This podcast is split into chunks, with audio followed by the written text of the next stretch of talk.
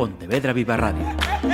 Cara a cara. Damas y caballeros, la Asociación de Directores de Informativos de Radio y Televisión da la bienvenida a Abril Camino.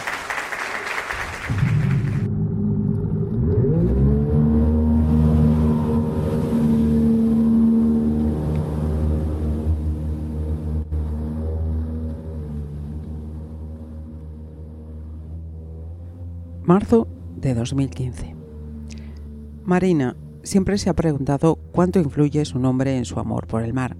Si quizá oír esa palabra asociada a ella cuando era aún un bebé le infiltró en el inconsciente un apego que por momentos llegó a convertirse en obsesión. O tal vez al contrario, si sus padres intuyeron de alguna manera que toda su existencia estaría ligada al mar y le pusieron al mismo tiempo nombre y adjetivo, porque Marina, por encima de cualquier cosa, es marina marítima, náutica, oceánica. Y sin embargo, nunca hasta ese momento se le había ocurrido pensar que las travesías parecen a veces un parpadeo. Cuando la proa se eleva sobre el mar picado, el horizonte desaparece de su vista. Cuando el barco vuelve a la posición natural, mientras sus oídos registran el familiar choque líquido del casco contra el agua, abre los ojos y el horizonte vuelve a estar ahí y en él se recorta ya la silueta familiar de la isla, que parece temblar con cada bamboleo del barco que acerca a Marina a su costa. Una isla que flota sobre las aguas del Cantábrico, majestuosa, que alza su cumbre hacia el cielo encapotado e ilumina de forma intermitente las olas rizadas con el haz de luz de su faro. Aunque ya ha amanecido, el día es tan oscuro que el sistema automático del encendido aún no se ha dado cuenta. Es un día oscuro, sí, la primera vez que Marina recuerda que llega a la isla con los ojos arrasados en lágrimas.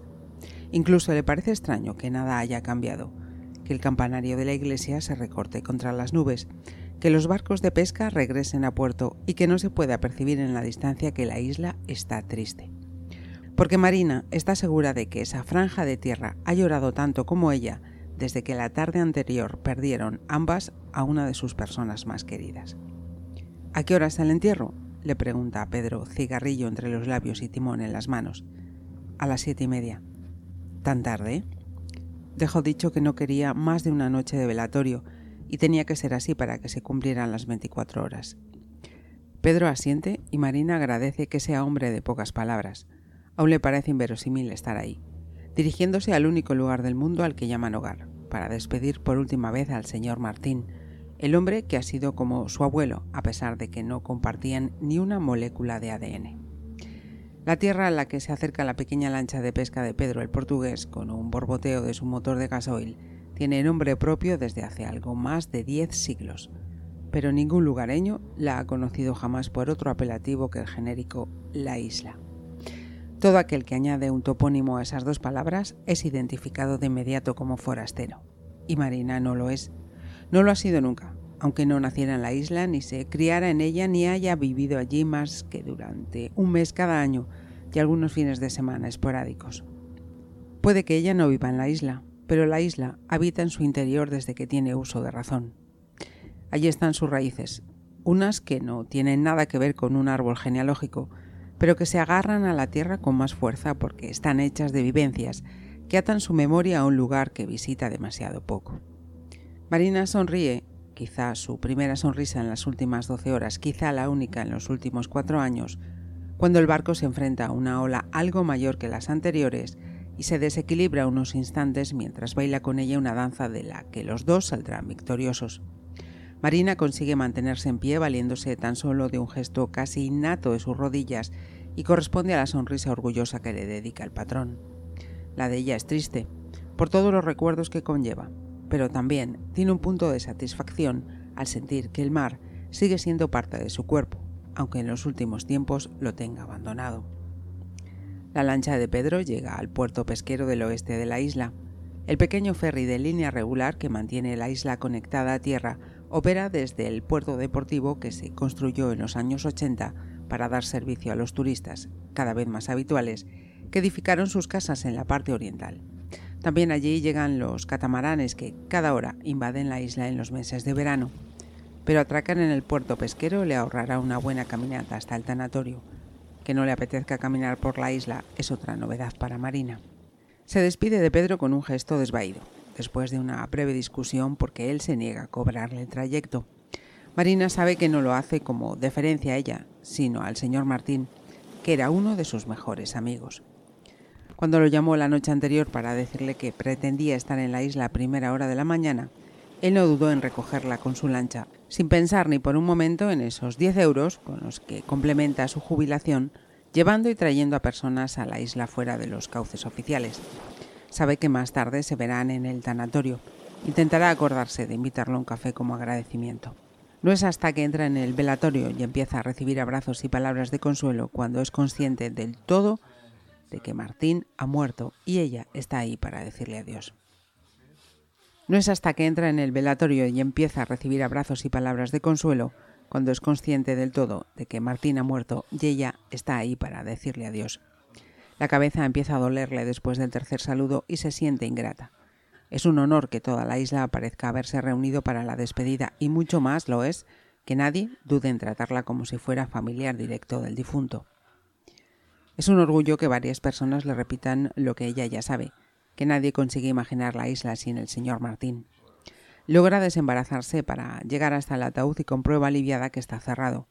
Cree recordar que el abogado que la llamó para darle la noticia le avisó de que Martín había dejado resueltos todos los detalles de su despedida, pero en ese momento Marina estaba llorando tanto que no puede asegurarlo. Se alegra, en cualquier caso, de tener la oportunidad de recordarlo como era la última vez que lo vio, con la pipa apretada entre los dientes y un brillo de humor permanente en sus ojos. Las horas pasan rápido, como envueltas en una bruma acorde con el clima. A media tarde, Marina se ve arrebujada en su bufanda caminando hacia la iglesia parroquial, Casi está a punto de darle la risa al pensar que su despedida de Martín vaya a tener lugar en terreno consagrado. Esa será solo la oficial. El adiós de verdad se lo dirá al llegar a su casa, a ese hogar entre cuyas paredes fueron como abuelo y nieta a pesar de la genética, como viejos amigos a pesar de la edad.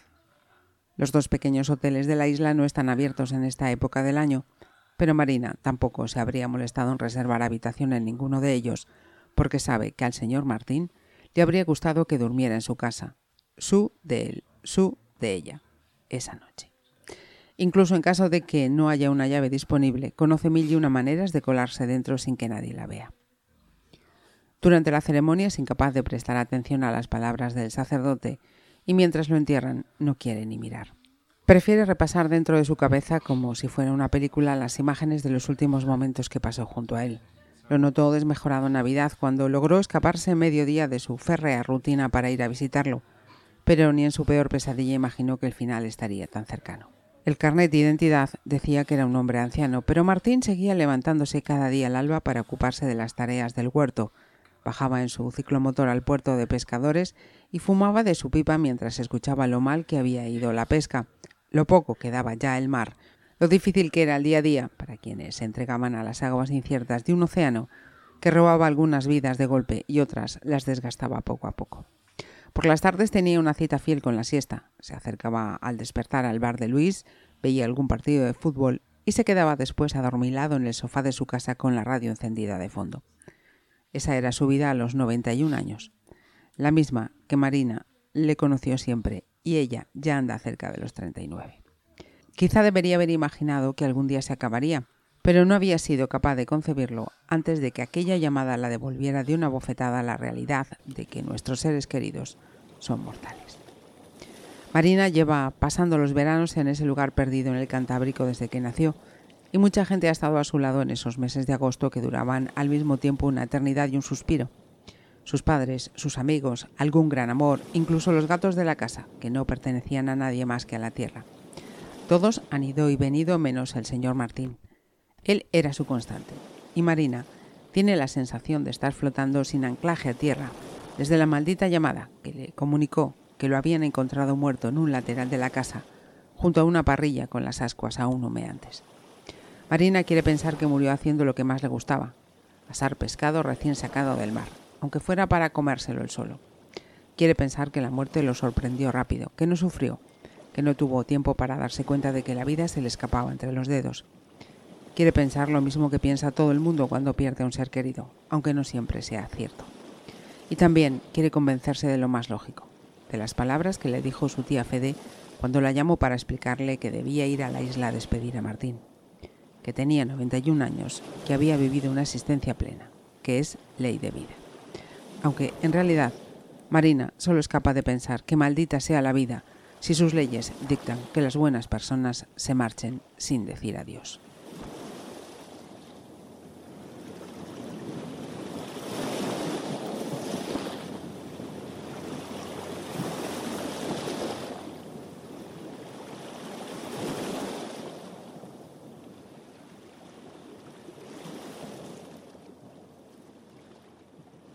Saludamos en este cara a cara a la autora de esta novela, cuyo extracto pues acabáis de, escuchar unas líneas. Ella es gallega, se llama Abril Camino, y esta novela que nos eh, trae comenzando enero se titula Nuestro último verano en la isla.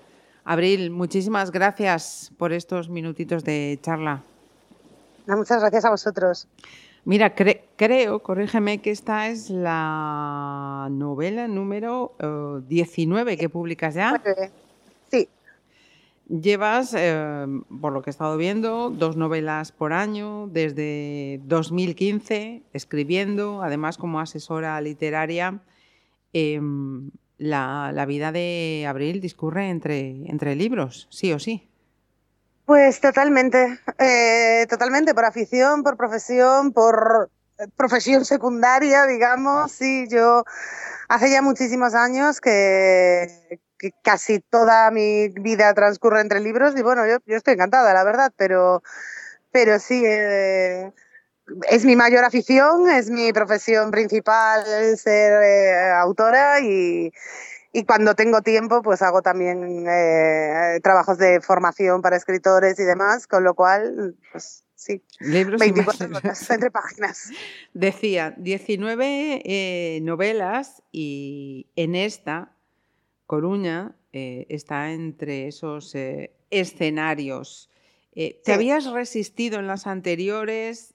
Eh, esta era la que lo pedía, las anteriores no. ¿Qué ha pasado? Bueno, yo creo que eh, hay un poco de todo. Yo creo que hay un poco de que la historia te lo pida. Eh, para mí, una historia que gira en torno al mar, a, esos pueblos de verano, a, bueno, a, todo lo que hay en, esta novela, em, no me la podía imaginar en otro sitio. Eh, con lo cual es, pues sí, probablemente la primera que me lo ha pedido. Y luego eh, también un poco yo el estar preparada, ¿no? El, decir, eh, no quiero escribir ambientada entre, es, entre, es un poco entre Coruña y Foz, ¿no? Que es mi pueblo. Y que aunque yo le haya llamado isla, pues bueno, el, trasfondo que hay en esa isla es mi pueblo. Entonces no le iba a dedicar a, a las dos, a los dos lugares donde he vivido toda mi vida, no les iba a dedicar una novela entre comillas, cualquiera, ¿no? O sea, quería que fuera pues una muy especial. Y ya al comenzar ya haces una advertencia. Coruña, Coruña, La Coruña. Ah, sí, sí, sí. O sea, hubo un momento que dije, yo por qué no habré ambientado esta novela en Lugo y me complicaba muchísimo menos la vida. Sí, bueno, porque el tema del topónimo, eh, lo digo de hecho en la nota de autor, ¿no? Hay, eh, hay lo oficial, hay lo legal, hay lo cotidiano. Ah, para mí es fundamental en las novelas. Yo, tengo dos normas, yo soy filóloga dos veces, entonces tengo dos normas muy estrictas, que es, eh, me gusta la novela, eh, o sea, los diálogos muy realistas, ¿vale? No, no soporto esos personajes que hablan en novelas como nadie habla en la vida real. Y luego soy eh, la loca de la hipercorrección del lenguaje, ¿no? Entonces ahí me encontraba un poco de, vamos a ver, mm, lo literario en teoría, eh, sería poner La Coruña en todo, ¿no? Porque es, como es en español y es lo que recomienda la RAE. A mí me tiraba para atrás tremendamente, ¿vale? No, yo no conozco a nadie, a ningún coruñés que diga La Coruña. Yo, personalmente, ni hablando en castellano, ni en gallego, ni en, chino mandarín. Eh, a Coruña, pues, pues sinceramente, en una conversación cotidiana en castellano, y la novela está escrita en castellano, tampoco lo dice nadie. O sea, todos decimos Coruña, ¿no? Entonces, bueno, como hay muchos personajes y muchas épocas históricas, pues evidentemente en el franquismo, que es eh, donde es la época en la que transcurren varios capítulos, la ciudad es La Coruña, En, en, la actualidad la ciudad es A Coruña, pero en boca de los personajes coruñeses la ciudad es Coruña, ¿no? Lo que pasa es que ahí es donde me dijo mi editora, oh, esto o lo explicas o a lo mejor tus amigos, o sea, tus amigos, tus, tus conciudadanos lo entienden, pero el resto de la gente va a creer que te has liado y que cada vez pones una cosa diferente. Digo, bueno, pues lo explico, mira. Así, muy, así me, quito, me quito de problemas. Eso es. Em, veranos, eh, unos emplazamientos costeros, estamos en ese em, marco idílico perfecto para una novela romántica, pero hay, hay más cosas. También veo que es una eh, novela intergeneracional, ¿no? Esa generación de posguerra, generación baby boom. Unas y otras, con mayor o menor eh, conciencia, vivieron el, fin de una dictadura, una transición y un inicio a una etapa democrática. También has querido incidir en, esas diferencias intergeneracionales y en ese contexto político y social. Sí, justo. Eh, yo creo que es interesantísima la convivencia entre eh, pues, las últimas generaciones, ¿no? O sea, eh, yo creo que en pocas épocas históricas ha habido más cambios en menos tiempo, ¿no? Entonces, los protagonistas del pasado, que son adolescentes en el año 75, eh, tienen una vida completamente diferente a la que tienen sus hijos, que son los protagonistas de la historia del presente, que, fueron adolescentes en los 90, bueno, pues son un poco más o menos de mi edad, ¿no? Los, los protagonistas del presente tienen eh, sobre 40 en la, en la actualidad. Entonces, eh, ver un poco esos choques generacionales, esos choques también ideológicos, porque, bueno, pues fueron épocas en las que había una... todo el mundo tenía la ideología muy marcada, incluso aunque la ideología fuera no tener ideología, eso ya era muy marcado también, ¿no? Entonces, em, pues bueno, vemos unos chicos de 20 eh, años, 18 años en el año 75 que, pues que están hartos de vivir en una dictadura y que presienten ¿no? que, poco le queda, eh, pero también viven en la incertidumbre, que poco le queda a la dictadura, me refiero, eh, mm, pero también viven en la incertidumbre de lo que vendrá después. Y luego vemos a unos chicos de 20 años en los años 90 que la dictadura les suena a prehistoria, ¿no? Aunque realmente haga 15 años o 20 años, ¿no? Y, bueno, eso es un poco lo que hemos vivido. Yo, yo, tengo 43, pues es un poco lo que hemos vivido mi generación, ¿no? Unos padres que se criaron en una España completamente diferente a la que nos criamos nosotros. Es una novela romántica, por tanto hay amores, pero también es una novela de grandes amistades. Sí, bueno, a mí me gusta siempre hablar de mis novelas como novelas de sentimientos porque realmente el amor romántico eh, casi casi es la emoción a la que menos relevancia le doy, ¿no? En la, en, la, en la, escritura, en la caracterización de los personajes y demás. Es una novela de grandes amistades. Eh, los tres chicos que son amigos en el, en el pasado. Es una amistad preciosa, eh, compleja, pero muy bonita entre tres Mm, personas que, proceden de entornos muy diferentes, ¿no? Eh, esa clase media del franquismo, luego una clase muy alta y una clase muy pobre. Em, y luego Lucas y Marina, que son los protagonistas del, presente, los protagonistas de la novela, digamos, en general, eh, han estado muy enamorados, pero fundamentalmente han sido muy amigos. Son amigos desde que nacieron, se conocen desde que nacieron, entonces ha habido mucha amistad también. Mira, hay una cuestión también en la que, mm, en la que me he parado, me llamó la atención. Eh, los hijos son víctimas de las malas decisiones de los padres. Por unas o por otras, todos los hijos llevamos esas herencias y sin estigmatizar a los padres, madres, que, que no vienen aprendidos en esta profesión, ¿no? Y que, y que a su vez seguramente también sean víctimas de, sus, de las malas decisiones de sus propios padres y también de las buenas, por supuesto, que tampoco quiero sí, sí. Que, todo parezca negativo, ¿no? Pero, pero sí, es decir, eh, Lucas y Marina, lo que, de lo que va la novela en realidad es del tiempo que pasan investigando qué pasó en ese verano del 75 eh, en la isla, con sus padres por allí de por medio. Eh, para que hoy en día, 40 años después, les siga afectando a ellos, ¿no? Eh, y ese es el misterio y eso es de lo que no puedo hablar. no, no, no, no lo, no lo vamos a destripar. Pero sí, yo creo que todos hemos tenido alguna vez esa sensación, ¿no? Yo creo que de donde nazcas, cómo te eduquen y demás, depende muchísimo tu futuro, ¿no? Y ese misterioso, vamos a meter otro nombre más que no vamos a hacer ningún spoiler en esta historia fundamental que es ese señor eh, Martín, ¿no? Ese, ese abuelete, ¿no? Adoptivo de, la historia. Ese es el comienzo de todo, no, no es, esto sí que no es spoiler, se dice en la sinopsis y es la primera página todo, digamos que todo, eh, no es que todo comience, sino que todo sale a la luz, aunque ya lleva mucho tiempo existiendo, el, eh, cuando muere el, señor Martín, que era un poco el nexo de unión entre todos los personajes de la novela. Él muere, eh, deja unos términos curiosos en su herencia, y eso reúne a Lucas y Marina después de 18 años sin verse, sin saber nada el uno del otro.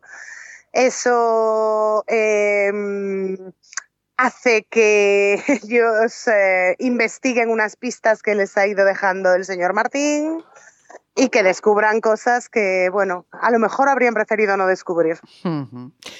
Pues con Abril Camino hemos ido presentando ingredientes de esta novela, su última novela, nuestro último verano en la isla y que mm, no será la última. Al ritmo que lleva abril, yo me temo que antes de que termine este año tendremos otro, otro título más. Pues no, no puedo confirmarlo, pero tampoco lo voy a mentir. Abril, muchísimas gracias. Muchísimas gracias a ti. Pontevedra Viva Radio. ¿Me permiten que les haga un comentario como espectadores del programa Cara a Cara? Según un reciente sondeo de mercado, Ustedes disponen de estudios e inteligencias superiores a la media. Sus intereses abarcan desde la actualidad mundial y la ciencia hasta el deporte y los espectáculos.